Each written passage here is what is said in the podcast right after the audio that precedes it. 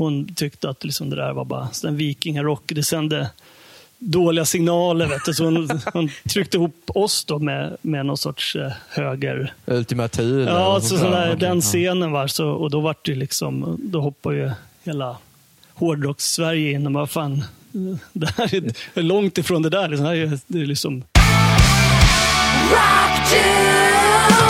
Hej och välkommen till Rock Dudes nummer 83. Det här avsnittet kommer helt och hållet handla om vikingametal. För några veckor sedan så träffade vi Ted Lundström från Amon Amarth på ett fint hotell i Stockholm city. Amon Amarth är superaktuella med ett nytt album som heter Berserker och den släpps nu på fredag den 3 maj. Som sagt var, Ted kommer att berätta om hur det var att starta bandet för sisådär en 25 år sedan. Vi kommer även prata om hur det är att spela ett band som har ett långt mycket större erkännande utomlands än i hemlandet Sverige. Vi kommer även föra lite roligheter som när han berättar när Marie Petle Holmer i SVT-studion satt och intervjuade Dominic Parish, nyligen guldmedaljör i Super-G i vinterns VM. Han där, satt där och berättade om sin kärlek till Amon Amart. Men med lite okunskap och felsägningar så det blev det där hur roligt som helst och detta spred ju sig som en löpeld över internet. Ni kommer få höra Ted berätta om detta senare i avsnittet. Nej, gott folk, jag ska inte hålla er på halster längre. Utan vi svänger över till det här fina hotellet i Stockholm city där vi satt och intervjuade Ted Lundström från Amon Amarth.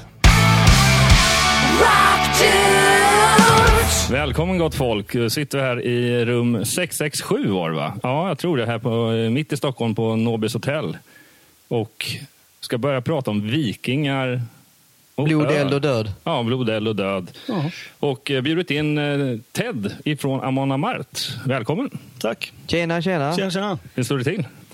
Jo, det är bra. För fan. Ska inte klaga. Nej. Nervöst inför att skivan snart kommer. Berserker. Den släpps väl i maj, va? Ja, 3 maj. Ja, jag är mest, mest exalterad över att äntligen få släppa ut det. Vi släpper ju första singeln idag. Jaha. Ja, Vad heter den då? Ravens Flight. Okej. Var det svårt att välja singel för nya skivan? Det är så här många tycke. Ja, det var faktiskt, jag tror det var svåraste skivan hittills. För vi hade, alla hade olika åsikter vad som var bäst. Liksom. Blir det svårare ju längre det går när man släpper skivor? Så här, det blir svårare att välja ut för att alla har så här, "Ja, men jag gillar det här, jag gillar det här. Ja, det, det är nog bara för att vi blir mer, mer och mer senila. Så vi, nej, det, var, det var faktiskt svårt. Vi skulle, vi skulle välja ut tre låtar. För vi gör, vi gör tre videos ska vi göra. Eller vi har Va- spelat tre in videos, ja. Mm. Ja, vi har precis varit i Los Angeles och spelat in massor med videos. Ni är ganska mycket i USA och spelar in. Är det för att skivbolaget är därifrån eller? Ja, delvis. del- delvis. Skivbolag, management ligger där. Vi har alla våra gitarrer och skit. Storage. Vikingbåt. Vikingabåten står där. Ja. Jaha. För- ni har, visst har ni en vikingabåt när ni spelar live?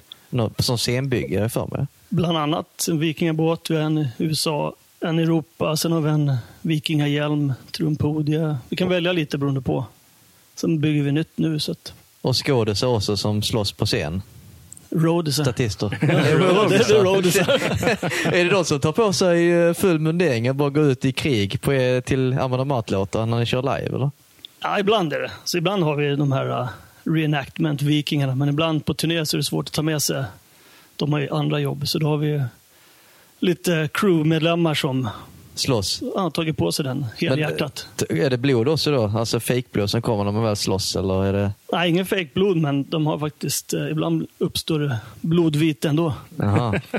Det ingår stridens spelet. hetta. Ja, det är Ja. faktiskt det är riktiga. Det är, ju- de är tänkte- inte vässade svärd, men det är, det är hårt Ja, det att bli träffad. Men eh, de här svärden, väger inte de ganska mycket? Eller? Jo, de är, det är riktiga. Liksom. Slipade?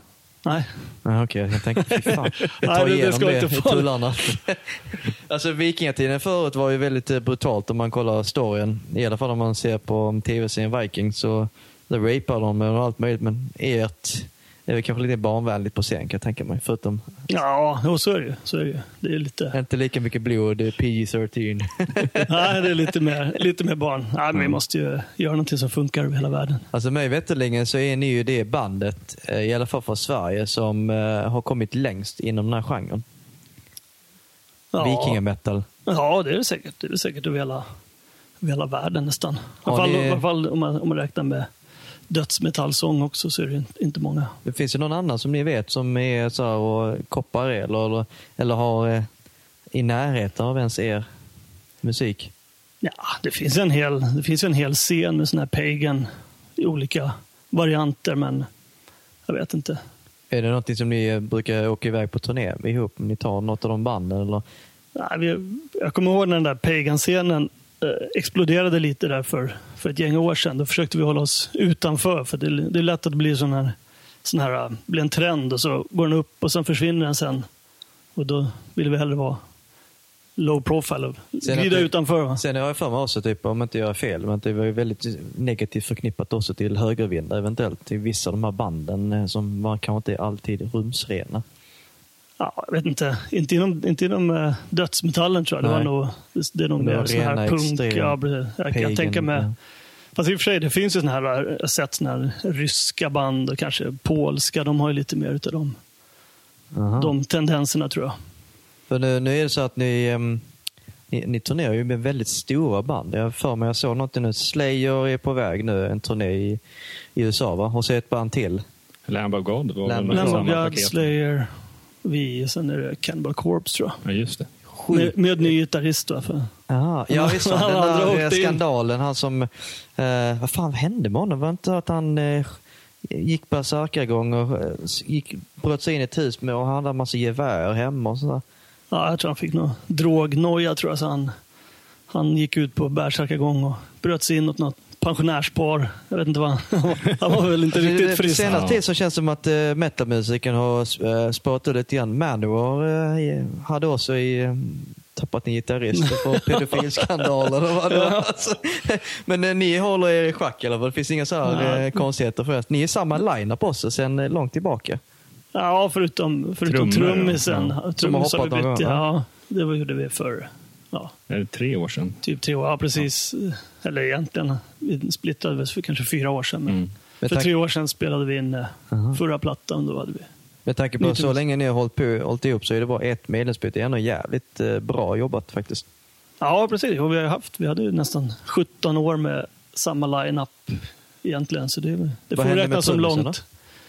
Som Nej, det, var, det, är som ett, det är som ett äktenskap. Det, det funkade inte till slut. Va? Vi, var väl, vi var väl fyra som styrde åt ett håll och sen som styrde åt ett annat håll. Så det, I slutändan var det ohållbart. Va? Vi försökte in i det längsta försöka rädda situationen, men det, det gick helt enkelt inte. Men har ni kontakt fortfarande? På något sätt? Nej, faktiskt, det, det vart ganska... Det vart ju inte... Det är som en skilsmässa. Det vart inte så... Ja, jag fattar. Det vart väl mycket känslor. Så. Men då hittade ni någon ny medlem för tre år sedan. Och hur hittade ni den här personen? Då? Ni Först, var- först behövde jag en ny, en ny kille till, till studion när vi spelade in förra plattan. Så då ringde en gammal polare, Tobben Gustafsson från Vomitory, Karlstad-kille. Så han hjälpte oss med skivan. Va? Och sen var det väl lite sådär, eventuellt att han skulle vara fullvärdig, men sen så kom det andra grejer emellan. Så då fick vi liksom, då hade vi en turné som kom upp ganska kort varsel. Så det var ju lite brådis och då, då rekommenderade faktiskt han Tobben rekommenderade en kille som han, som han hade haft som trumtech någon gång. En kille från Stockholm och det tyckte vi passade bra. Så vi ringde han och frågade om han var på. Och så testade vi ett par rep och sen var det klart. Så han, eh, han letade inte ens, utan han blev uppringd. Bara, fan vad skönt. gig." Headhunted. Ja, men, nej, Headhunted. ja, men faktiskt så, han hade faktiskt hört av sig, för på, på något sätt så var han polare med vår gitarrist, kusin eller någonting. Så att hans namn hade dykt upp långt innan, men då, hade vi, då var vi liksom ute och letade lite sådär överallt annars. Så hans namn hade ju kommit, han hade väl liksom mer eller mindre hört av sig också. Men hade ni andra alternativ utomlands som ni tittade på? Ja, men vad tror du om den här medlemmen från det här Jo, vi, hade, vi, skickade ut liksom överallt. Så vi hade ju, Vilka var påtänkta? Var det något stort band som ni funderade på? Fan, ska inte lämna det bandet och komma till oss istället? ja, nej, man, man vill ju inte sno någon, det är, det. Nej. Det är sådär. Så att, eh, Men var det, hände någonting att det förekom i, bakom kulisserna? Nej, alltså men det, en kille vi hade funderat lite på, det var han, eh, vad heter han, han var grek tror jag. Spelade med Nile och lite, Jaha, lite allt möjligt. Jag tror han precis hade slutat, så han var ju aktuell. Eventuellt. Han är ju en sån här riktig mäster, ja, mäster kaggar i Tekniskt. 460. Men, men det föll inte på honom för att han är utomlands och det är lite lättare med någon ja, vi, stockholmare. vi vill ju ha liksom lokalt helst. Va? För det är enklast att bara... Inte bara, inte bara Sverige utan eh, helst Stockholm också? Eller? Ja, helst, helst Stockholm. Ja, för man, man vill liksom kunna... Eller vi har ju sångaren bor i Örebro eller Bonläpp va? Ja, just Ja, fast det inte så långt ifrån å andra sidan. Det är Nej. några timmar in till Ja, men man vill ju kunna träffas om man ska repa ihop. Nu repar vi inte så ofta, så vi ingen, ingen replokal längre. Men... Vad är anledningen till att ni inte repar längre? Nej, vi har ingen replokal. Är det, är det bara Vi därför? har ingen lokal för fan. ingen lokal. Jo, men alltså vad händer med lokalen? Är det bara så Ja, att, men de, de la ju ner, vi var ju på sådana här ställe med massor med replokaler, så la de ner. Kommunen skulle göra någonting annat där. Och sen försöka hitta lokal i Stockholm, det är ju helt omöjligt. Eller så kostar det skjortan. Måste man typ köpa något. Och sen, sen är vi ute och turnerar två år på raken, liksom, som inte har nytta av det. Så då tänkte vi, då, då skiter vi det. inför nya skivan som kommer nu, hur håller ni igång repandet då? Hyr ni lokaler då eller vad, vad Ja, ni? alltså alla rep är hemma. Vi har ju liksom samma setup sen när vi skrev skivan också. Alla har ju sin egen hemstudio. Så alla liksom repar hemma och skickar filer fram och tillbaka. Liksom och gör projekt. Och sen så ja, hyr vi liksom till den här skivan. Då, då gick vi in i studio för att vi tänkte det få en del av skivbudgeten. Så då åkte vi upp till Peter Tätgren i, i Dalarna. Va? Som vi känner han som förr. Vi tyckte det var kul när vi träffade honom för den här dokumentären vi spelade in. Så var vi där uppe två gånger och liksom spelade in, repa låtarna och spela in dem på riktigt. Liksom. Inför, inför riktiga skivspelningar. Mm. Det är ju bra, smidigt. Men hur lång eh, tid var, var själva processen för att skriva skivan och sen hur länge var ni i studion sen, inklusive rep? Ja, alltså, från det vi började skriva plattan tills den var färdiginspelad, ska jag säga, typ ett år. Mm. Men själva studion var ju, ja, vi var ju sex veckor i Los Angeles. Vi hyrde en sån här Airbnb, ett hus i North Hollywood med en egen liten pool och grejer. Så det var rätt, var rätt nice faktiskt. Det var inte så mycket vikingar. ja, vi fick. Sol, varm istället för um, Ja, kyla det- och vinter. Ja, vi fick- Brunbrän, brunbrända vikingar istället för kritvita? Ja, Den moderna vikingen. Vi var, vi var ju för sig tio timmar om dagen in, instängda i en Ja. studio. Så att, inte så, men det var kul. Vi fick se en sån här raketuppskjutning där. var ju den SpaceX eller vad de hade. Ja. Sköt upp den. stod vi på, på baksidan där och stod och tittade på hela bandet med en öl i handen. Ja, vad skönt. Är det, kommer det bli så här framöver också inför nästkommande skiva att ni kör där över i, istället för att spela in i Sverige? Jag har ingen aning faktiskt. Vi, vi brukar inte bestämma så mycket va. Nu kände vi för att byta bort England. Vi gjort två plattor med Andy Sneap på engelska landsbygden mitt i vintern. Det var lite sådär små, blött och kallt. Så tänkte vi, Los Angeles är lite bättre. Ja, vi pratade lite med Anders Fredén här för ett tag sedan när vi intervjuade honom. Och de, med, om det var förra eller förra, förra skivan, så då kände de lite samma sak med att det vore skönt att komma till något varmt ställe och kunna, ja, ha, att det blir lite mer fokuserat också när man är där och skriva eller vad man nu gör, spela in. Ja, för vår del så det var det ganska fokuserat ändå när vi var i England. För man är, så länge man inte kan åka hem på kvällarna så blir det ju mer, då är man ju där liksom, alla Ja. är där. Och, men, men just, ja, vi vill ju ha varmare väder. Bara testa det och sen LA, det är en cool stad liksom. Ja, Så jag tyckte det var en cool idé. Och sen Andy Sneap hade ändå inte kunnat gjort det för att strax efter vi hade bestämt oss så fick han Judas Priest-gigget. ah, Ja, Så- skivan var ju skitbra förut. Så att, eh, ja, han spelade in den skivan och sen Ja. fick han väl jobbet som gitarrist där då på turnégitarrist. Han har varit ute på vägarna sedan dess. Helt galet. Va? Så det, det löste, ja, det funkade rätt bra för oss eftersom vi ändå hade tänkt att gå vidare. mm. Eh, när jag bara läste lite information om skivan så har ju Hägg sagt att det här, i och med musiken på den här skivan så skulle det vara Amon Amarth 2.0. vad, vad Vad, innebär vad, det? in, vad innebär det? liksom? Ja, det, det har vi frågat allihopa. Det är så säljknep Ja, ja, hitta ja. på. Eller, Ja, betyder det längre skägg då eller kanske? Eller så? Nej, men ja, grejen är att det där var väl liksom tag, de gör en pressrelease, de har Ja. sagt någonting längre så de klippt ut det där. Så alla, varenda fråga, varenda intervju jag har gjort har varit, vad, vad menar ni egentligen med Fel 2.0? Och- kontext. För det känns, Ja, inte, men- det nej, känns men- inte så vikingamässigt att det Nej, anger men, eh, digitala termer. Nej, tanken var väl att det liksom, ja, vi liksom tar ett nytt steg här. Liksom. Vi har en ny trummis, första, eller, ja, första skivinspelning med han. Sen har vi liksom, eh, vi har försökt hotta upp ljudet lite och liksom, lite ny style på det. var mycket som var liksom nytt, så det kändes fräscht. Det det- Jag tror det var det jag menade, att vi tog liksom ett nytt avstamp. Mm. Så att det är ju typ, det är ju samma gamla Amanda Mart, att vi har liksom försökt eh, uppdatera Precis. ljudbild och ja, och sådär. Jag har ju följt det från um, urminnes tider känns det som. Från, från jag, piren. Ja, när jag får Pir bland annat i Helsingborg när jag spelar. Men jag har ju faktiskt första EPen som är ute på ett Singapores skivbolag. Ja, Så att, eh, det, det vill jag lite knyta an till. Hur kommer det sig att ett, ett svenskt band får som första skivkontakt långt, långt borta i Asien? Och det här hände ändå innan internets tid. Liksom. Ja, det var precis i början på internet. Det var 95, 94, Ja. 95 någon gång. Nej, men jag vet inte. Fan, vi, vi var ju liksom... Vi var väl lite dåliga på att skicka ut demos och sådär till skivbolag. Sen hade vi fått höra att man, att man måste ju ha liksom... Skivbolagen får så jävla mycket kassetter, vet du, så att de vill gärna ha en sån här uh, CD. var ju liksom the shit. Man skulle ju i princip ge ut en demo på CD, gärna med fodral, så de fick liksom se att man var seriös. Va? Och så kom det någon tjomme en dag bara. Tjena, jag heter Roy Geo från Singapore. Jag ska precis starta ett bolag. Bara, vill ni bli min första släpp? Så tänkte vi så ja, för han ville bara signa på en, bara den. Vi sa Ja. att vi ville bara ha en, en fysisk produkt liksom, och kunna visa vilka vi är. Liksom. Bra signing från han. Första släppet blir Mart. Ja, ja men så det, ja, signade vi den. Gjorde liksom några, jag kommer inte ihåg många tusen kopior. Och vi fick ju liksom, vi fick betalt i skivor i princip. Ja, okej. så vi fick då försöka kränga själv, så det var ganska basic. Men var, vi sket ju det. Vi ville bara ha en... Jag får mig det bolaget finns kvar också.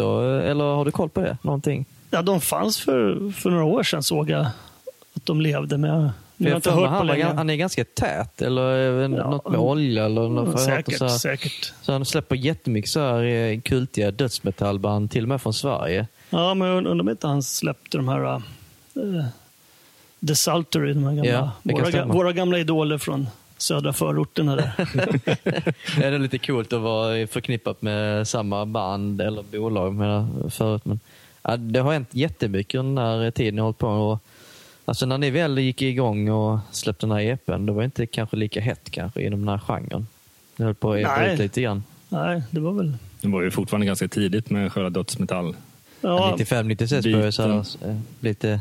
Ja, men det, grejen, vi, vi hamnade ju liksom lite mitt emellan. eh, eh, Folk visste inte riktigt var de skulle placera oss, i alla fall här i Sverige. För Stockholmsscenen hade liksom haft sin boom Mm. i början på 90-talet. Sen kom den här Göteborgsscenen med mer melodiöst, melodiösa, eller mer slingor och grejer. Och så kom vi där som band från Stockholm, fast lät mer som Göteborg. Så vi, liksom, vi hamnade typ Jönköping någonstans hamnade vi. mitt emellan. Nu gör jag Jönköping-soundet. Ja, just är krist, det är kristet Ja, sound. precis. Det Men hur kristna kän- dödsmetallen.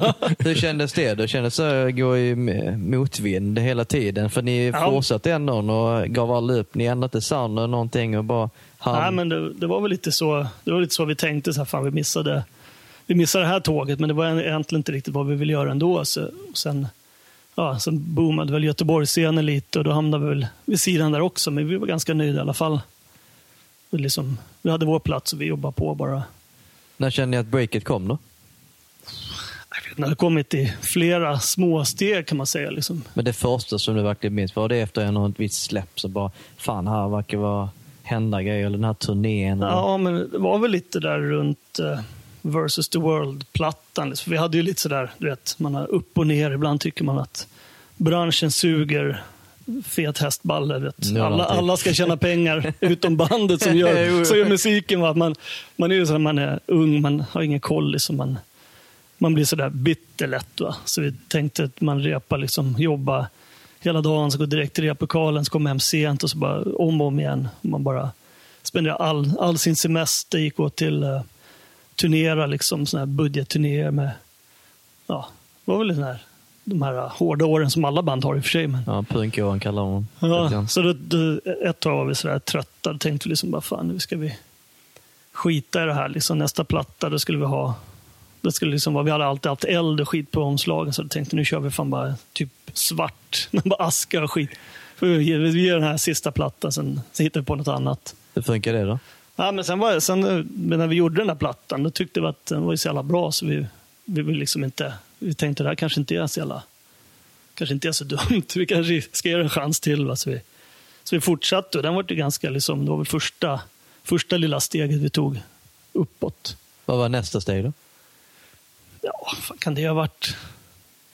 Det var väl lite senare, men vi har haft sådana här plattor som liksom har knuffat upp oss liksom en nivå. Liksom med, det, är- det ju liksom sån här helhetsgrej. Liksom man får lite bättre turnéer, man får lite bättre promotion. Man får, Är det ja. någonting annat utanför er sfär som inte ni har kontroll över? Jag, jag sitter alltid och jämför med tv-serien Vikings, att det måste ju bidra till någonting. Att ja, det har hjälpt er och andra band som World Wounded till exempel. Inom, det är inte samma musik, men det handlar ju ändå om vikingatema. Har det Ja. bidragit någonting tror du?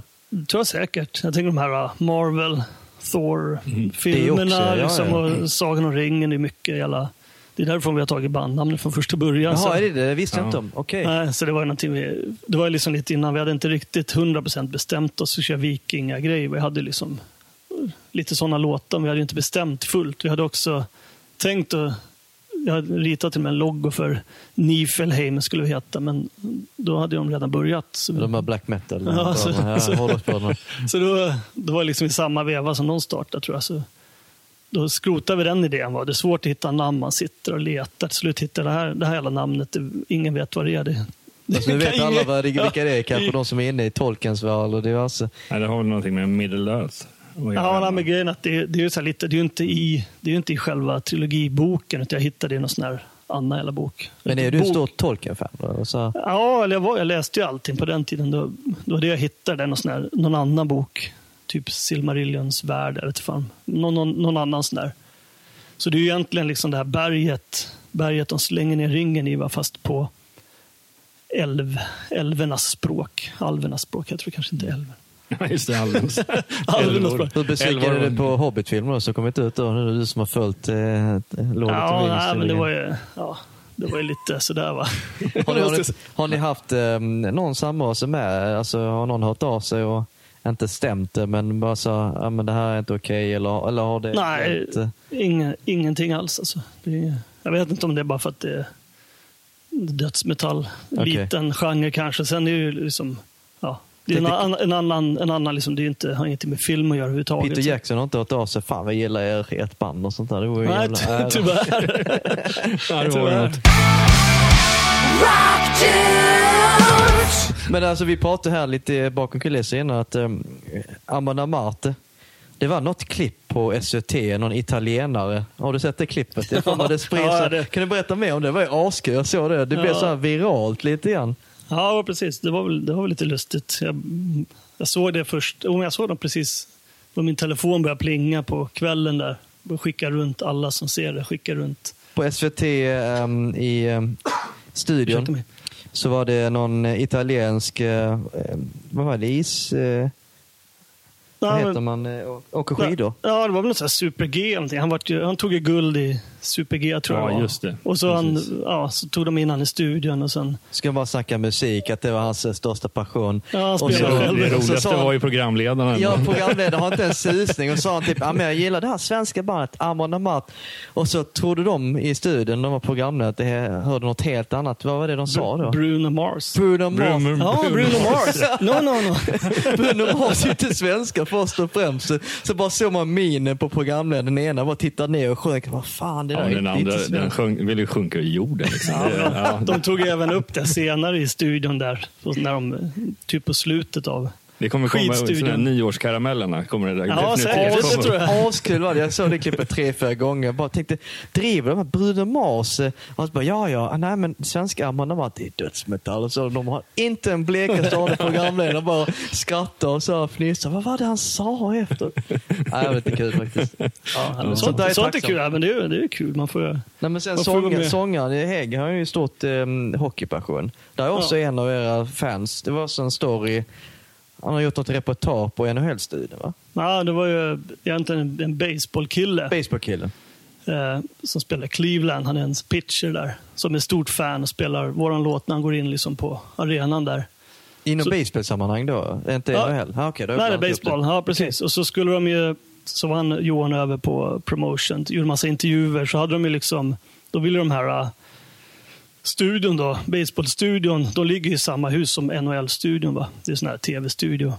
Då ville de ha in han där, va? men sen så är det också eh, Johan är stort hockeyfan.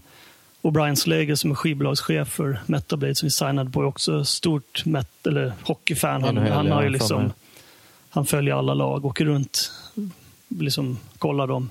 Så på något sätt då hookade de upp han där också så fick han ju vara med i NHL-studion. Så han var både, både baseball och hockey.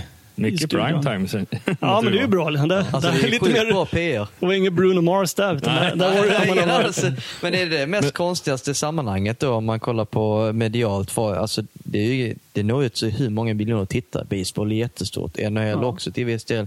Finns det andra liknande som har hänt som ni känner att typ, fan, det här var, hur fan hamnar vi här i det sammanhanget? Ja, ja nej, inte, inte, inte riktigt sådär. Vi hamnade ju liksom i lite mer lite annat blåsväder här på, på svens, svenska Twitter-marknaden. vad var det då? När vi vart eh, inblandade i en, i en politisk eh, debatt. För eh, han, vad heter han, Ivar Arpi på Svenska Dagbladet, han hade twittrat någonting om att han lyssnade på oss när han körde benpress eller någonting. Okej. Och så var det hon, vad heter hon, Sima ifrån, jag tror hon jobbade på kulturdelen på Arbetarbladet eller någonting. Hon tyckte att liksom det där var bara en vikingarock. Det sände dåliga signaler. Vet du. Så hon, hon tryckte ihop oss då med, med någon sorts eh, höger... Ultima Thule? Ja, så sån där. den scenen var så, och då var det liksom, då hoppade ju hela hårdrocks-Sverige in och bara fan, det här är långt ifrån det där. Liksom. Det här är, det är liksom Men var ni tvungna att ta något eh, avstånd eller eh, gå in och skriva någonting? Nej, men vi har ingenting med det här att göra. Nej, inte, det, inte nu här. Alltså, för att jag, menar, jag kommer ihåg när vi började bandet, då var det mycket snack. Men då var ju också de här... äh, Då var det ju mycket mer här i Sverige också. Ultima Då var ju de här var, var stora, stora. liksom. liksom. Så, då, 90-talet, ja. Mm. så då var det liksom, då fick man ju gå ut och förklara. Men sen har vi liksom spelat i ja, 25 år. Så nu, liksom, nu är det ingen som... Ja, folk har ju sett vad vi, vilka vi är och vad vi gör. Liksom. Så nu behöver man inte, behöver man liksom inte be om ursäkt för att vi sjunger om vikingar längre. Va? Nej, det kan du inte precis. misstolkas längre. Nej, precis. Och de här, jag menar, det skötte ju liksom Twitter själva. Förklarade för henne vilka vi var.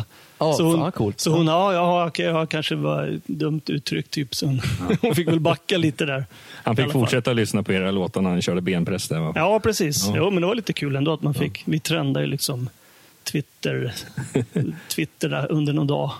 Vi, vi pratade lite grann så här eh, mål när du sa typ vilket var första breaket och vad var nästa grej. Så här, när ett band har hållit på i 25 år, som ni har kommit ganska långt, eller väldigt långt inom er genre. Vad är nästa grej? Liksom? Hur eh, slår man det? Känner ni att ni har kommit, ni är inte där riktigt när kommersiella? Alltså, pratar med någon vanlig person som kan inte lyssna på dödsmetall eller vikingar och så har man ju givetvis ingen koll på Amon kanske. Nej, alltså, vi, ligger ju, vi ligger ju helt utanför mainstream. Det är ju inget tv förutom man får med i skidstudierna. Men Ja, det det eller baseball eller baseball. I USA är de lite mer öppna sådär, men här i Sverige är det, liksom, det är lite svårt. Nej, men vi har ju liksom hela vår karriär, den är ju liksom, det är ju underground-scenen fortfarande, fast vi har kommit jävligt långt. Va? Vi börjar ju liksom komma in i finrummen lite grann, va? man får, får vara med lite mer. de du- stora inte- spelarna, ja, men Kan du inte berätta lite mer? för att Eh, jag har inte varit så helt inne på själva dödsmetallscenen i stort i, mitt liv. Sådär, men det som jag, när man ändå har läst om er och sådär under åren så har det ju känts som att här i Sverige så har det ju i och med att musikmässigt i, i svenska musikbranschen så är det så mycket mainstream. Alltså, sen kan man ju vara subkultur också, liksom, men eh, det känns som att ni är så himla mycket större utomlands. Eh, mer igenkännande. Eh, Ja, så, så är det nog. Alltså, överhuvudtaget, även bland liksom svenska band så har vi aldrig, först på senare åren, hela vår, de första tio åren, så kändes det man jobbade lite, lite motvind i Sverige. Va? Det, är- det är sån här, ja, jag vet inte, det var många som tyckte liksom den här vikingagrejen det var lite, antingen trodde man att det var högerextremt eller så tyckte man att det var lite barnsligt. Va? Så det var väl liksom ingen, ja, det var väl lite motvind sådär. Men uh, sen har det ju sen har det börjat rulla på såklart. Sådär. Men jag kommer ihåg för länge sedan vi skulle ut på turné med ett annat svenskt band. Som, vi låg på samma skivbolag. Och, och när skivbolagen, skivbolagschefen från Tyskland sa att ni ska ut med Amon Amart så sa han ah, vad, vadå, vad, varför ska du ut med dem för? Han, han kunde liksom inte fatta, för han såg ju oss, vilken nivå vi var på i Sverige, men han fattade inte att vi hade liksom redan slagit lite grann i, i Tyskland och liksom Centraleuropa. Så han tyckte att det var helt galet och det, det här berättade han sen på slutet av turnén, för de åkte ju på turnén. Och så, då sa han, "Ah, ja, nu, nu fattar jag. Liksom. För att han, hade, ju- ja, han visste ju inte hur det gick för oss Mhm. utanför Sveriges gränser. Liksom. Jag tänker så här, em, i, i Sverige har ju alla stenkoll på er, och, men i USA verkar det vara ett ännu större intresse för er. Men sen är det en helt annan bild angående vikingar. Folk i USA har jag fått intryck av att de tror att vi i Sverige sitter på en eka utanför lägenheten och vi åker så är- vikingabåtar titt som tätt bara för att man sitter och lyssnar på Amon Amarth. Ja, men så är ju inte verkligheten. Nej, nej men de har väl, de har väl lite så här romantisk bild om, om Sverige. Eller som Isbjörnar på torget. Hur kommer det sig att de eh, tar till sig er musik lättare än vi svenskar? Är det för att Nej, det är exotiskt? Ja, eller? precis. De tycker att det är, det är lite spännande och kul och intressant. Medan svenskar, det är liksom, ja, ja. Men det, Kom, kommer ni göra en sån här grej som Kiss? Alltså inte för att ni sminkade och tog bort eh, sminket, men raka av er allt skägg och sen bara köra rakt upp och ner. det som ligger närmast är att raka av huvudhåret innan Får, får ni mycket så här, så här konstiga, eh, inte förfrågningar, utan mer så här typ, vem har längst skägg i bandet? Eller du har rakat bort. eh, Det är, ganska, det är ganska klart vem som har längst skägg i bandet. Så. Är sångaren. där, ja, och jag ligger, jag ligger väl Det ligger lä- jag ligger sist. Nej, Olli har faktiskt näst, nästan sämre skäggväxt än mig. Men jag, får, en- jag, kan, jag kan odla mycket som helst. Det blir bara... Men trummisen har Testa. något skägg då? Ja, ja, men han är sån här, han är så här långt. Han kan ju fläta sitt skägg lite Åh grann. så fan, jaha. Ja, så han, han har ju riktigt skägg. Va? Ja, får, Hade han det när han eh, kom in i bandet? Eller ja, han, han hade faktiskt Ja. skägg in- innan. Annars hade han aldrig fått jobbet. Nej, det var det jag lite tänkte. Det känns lite grann som att det är kopplat med vikingar, eller med, med skägg, men också du vet de här typiska hjälmarna med, eh, vad heter de här, spjuten som går på sidan. Spjut, horn. Hornen, Ja, precis. Hornen. Det där är ju påhittat, det fanns inte Ja, förr i ja. tiden. Ja, men det, så där får vi mycket skit för. för att vi, vill ju, vi försöker vara lite sådär autentiska ibland, men samtidigt vill man ju liksom man vill ju göra fansen glada. Liksom. Så när vi byggde vår vikingahjälm-scen där så stod vi länge och funderade på om vi skulle ha mer hornen, för då vet man, då kommer liksom Experterna. Ja, experterna kommer säga, men vad fan, eh, de hade ju inga horn. Men samtidigt så provade vi liksom, kolla hur den skulle se ut utan horn och då var den liksom, då var det, ja, Försvann lite. Nej, men det var helt tråd. Då, var liksom, då såg det bara ut som ett vanligt jävla trumpodie. Va? Så satt man på hornen, då var det liksom... Coolare. Wow. Ja, det, är liksom, det är så att man, men ibland får man liksom ta den här jag vet det, moderna, vad folk vill ha. Liksom. Ja. De tycker det är kul. Och, men, Ja, Annars försvinner lite igenkänningsfaktorn också ja, säkert. visst. Ja, men så är det Jag va? tänkte er rigg, ni har ju en massa skådisar och en vikingabåt och allting. Eh, Det måste väga en hel del och så frakta allt det. Mig veterligen är det ni och kanske Sabaton som har så massa prylar på scenen. Givetvis är de här riktigt, riktigt stora banden också. Men jag känner att ni är mellanbandet, om man inte jämför med Slayer och alla de här riktigt gigantiska som har hållit på hur länge som helst. Ni befinner er där i mitten men ändå har sjukt mycket prylar. Ja, men det är bara för att vi, vi älskar det själva. Så vi spenderar precis varenda, varenda krona vi får in och lite till på, Tillbaka på, på, scenen. på scenshow. Liksom. Sen får vi leva på. T-shirt och liksom, ja, men vi har ju liksom andra inkomster som det får liksom, så det är inte så att man Vad är den konstiga Amon Amarth-prylen man har släppt med ert varumärke? Jag har ju sett öl bland annat, men finns det så här udda prylar som hjälmar och sånt man kan köpa? Eller sköldar? Nej. Nej. Nej, egentligen inte sådär superkonstiga. Inga sådana dildos och grejer som Nej, nej, vissa band kör. Ja, nej. Ni har inte sålt vidare grejer som ni inte använder på scen längre och sånt där? Nej, vi gav bort vår första båt sådär, men det går inte att sälja. Den Nej. ju, den väger ju Vem, var ger man bort en båt någonstans? På ja, Ebay? Vi gav eller? den till den här festivalen som, som eh, ja, Summer Breeze-festivalen eftersom vi känner dem ganska väl. Så de har en scen som heter Amon Amarth-scenen med en båt på? eller? Ja, nej, men de, de sa att de skulle använda den här båten, typ bygga någon bar av den eller hitta Jaha, på någonting med den. Ja, men vi kan ju inte, vi kan ju inte ha i, i förråd, det kostar ju pengar att ha grejer i förråd också. Liksom. Till slut måste man ju börja rensa ut gamla grejer. Men är det en konstnär då som kommer och bygger den här båten åt er? Eller är det, det är inte så att man bara hittar på den, nu ska jag bygga från scratch? Ni gör inte det själva. Nej, nej, man får ju, det finns ju bolag som gör sådana. Första båten var de här vikingarna som, de som eh, slogs för oss på första, vår första DVD där som de här riktiga, riktiga vikingarna. Ena killen var sån här möbelsnickare typ, så han och hans polare byggde första båten, men då, han gjorde allting liksom på riktigt. Va? Så den, det är typ som en riktig båt fast en halv, så den väger ett halvt ton. Va? Och det måste kosta jättemycket frakt runt i Ja, visst. Det, det är ju liksom flera delar. Det gick ju liksom inte att ha. Så Ja. nu, nu har vi byggt liksom, nu använder något amerikanskt bolag typ som bygger Plywood. här- nej, men, som bygger med, med fiberplast och grejer. Liksom lite mer modernt. Lätthanterligt. Det, här, det finns ju bolag som bygger åt alla andra stora band. Liksom. Ja, men det, det märker jag när man går på scen, om man ser er och sen kan man gå på Sabaton. Alltså, det är en jävligt häftig show. Ja. Mycket rök och eld och låtarna sätter sig. Eh, Så att, ja, ni lyckas väldigt bra. Ja, precis. Ja, men det, det finns ju risk för att man liksom, det blir för mycket show och för lite musik. Men Det gäller att ha lite balans också så inte folk Kan det någonsin bli too much? Ja, men det kan du säga om, om man inte har låtarna att, att backa upp med. Så då kan det ju bli liksom, då blir det bara en show och då tröttnar väl folk tror jag. Det måste ju fortfarande vara, folk måste ju kunna sjunga med och vara glada till Precis, så, musiken. har Liksom. man, oh, så spelar man det kanske fortfarande på lite olika storlekar av scener. Beroende på var i världen ni spelar. Eller, Ja, precis. Det, Mm. Vi kör alltid från klubbgig med 10 centimeters trumriser till stora uppblåsbara drakar och grejer. Jag, jag tänker om fem år så är det 30-årsjubileum cirka. Då är det sån här legacy-turné. Det måste vara svårt för er att välja låtar under hela karriären. Men då spelar ni kanske länge också. Ja. Hållit på i 30 år. Det är ändå en... Ja, men vi har ju över, vi har ju mer än 100 låtar redan nu och så nu kommer det 12 nya varav många jävligt bra som jag tycker som måste in. Så fan, jag ingen aning hur vi ska göra. Hur gör man då? Liksom? Hur många Nej. av de nya låtarna spelar man då? Man vill ju klämma in många nya såklart, men samtidigt vill man ha med klassikerna och så vill man ha lite wildcard.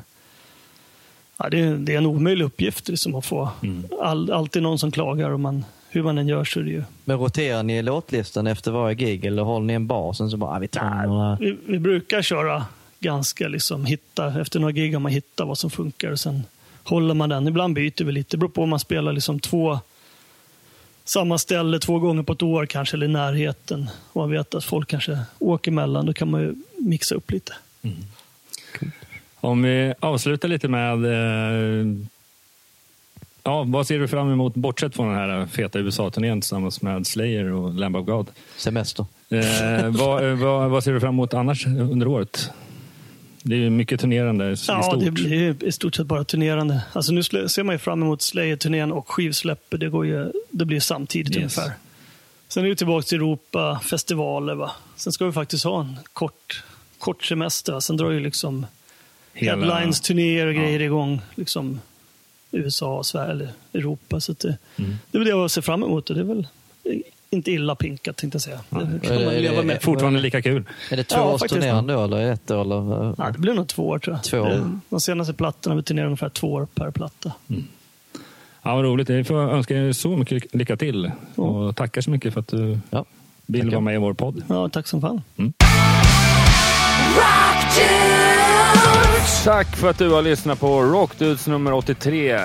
Där vi gästades av Ted Lundström från Amana Mart. Ja, det är riktigt intressant att eh, få höra bandets öde och ja, den där roliga felsägningen, den blir riktigt rolig. Ja, har du blivit riktigt intresserad av Amana Mart och deras musik så kan du såklart gå in och söka upp dem på Spotify och även gå in och följa dem på sociala medier som Facebook och Instagram. Apropå sociala medier så vill vi såklart att ni går in och följer oss på Facebook, Instagram, Youtube och Twitter. Sök på Rockdudespodden. Det vore även roligt om ni går in och skriver en kommentar och säger vad ni tycker om just det här avsnittet eller vad du tycker om våran podcast. Vi vill gärna att du skriver en recension antingen på Facebook eller på iTunes. Om du vill nå oss också på det mer vanliga sättet, då tycker jag att ni tar och skickar oss ett mail och adressen är rd rockdudes.se.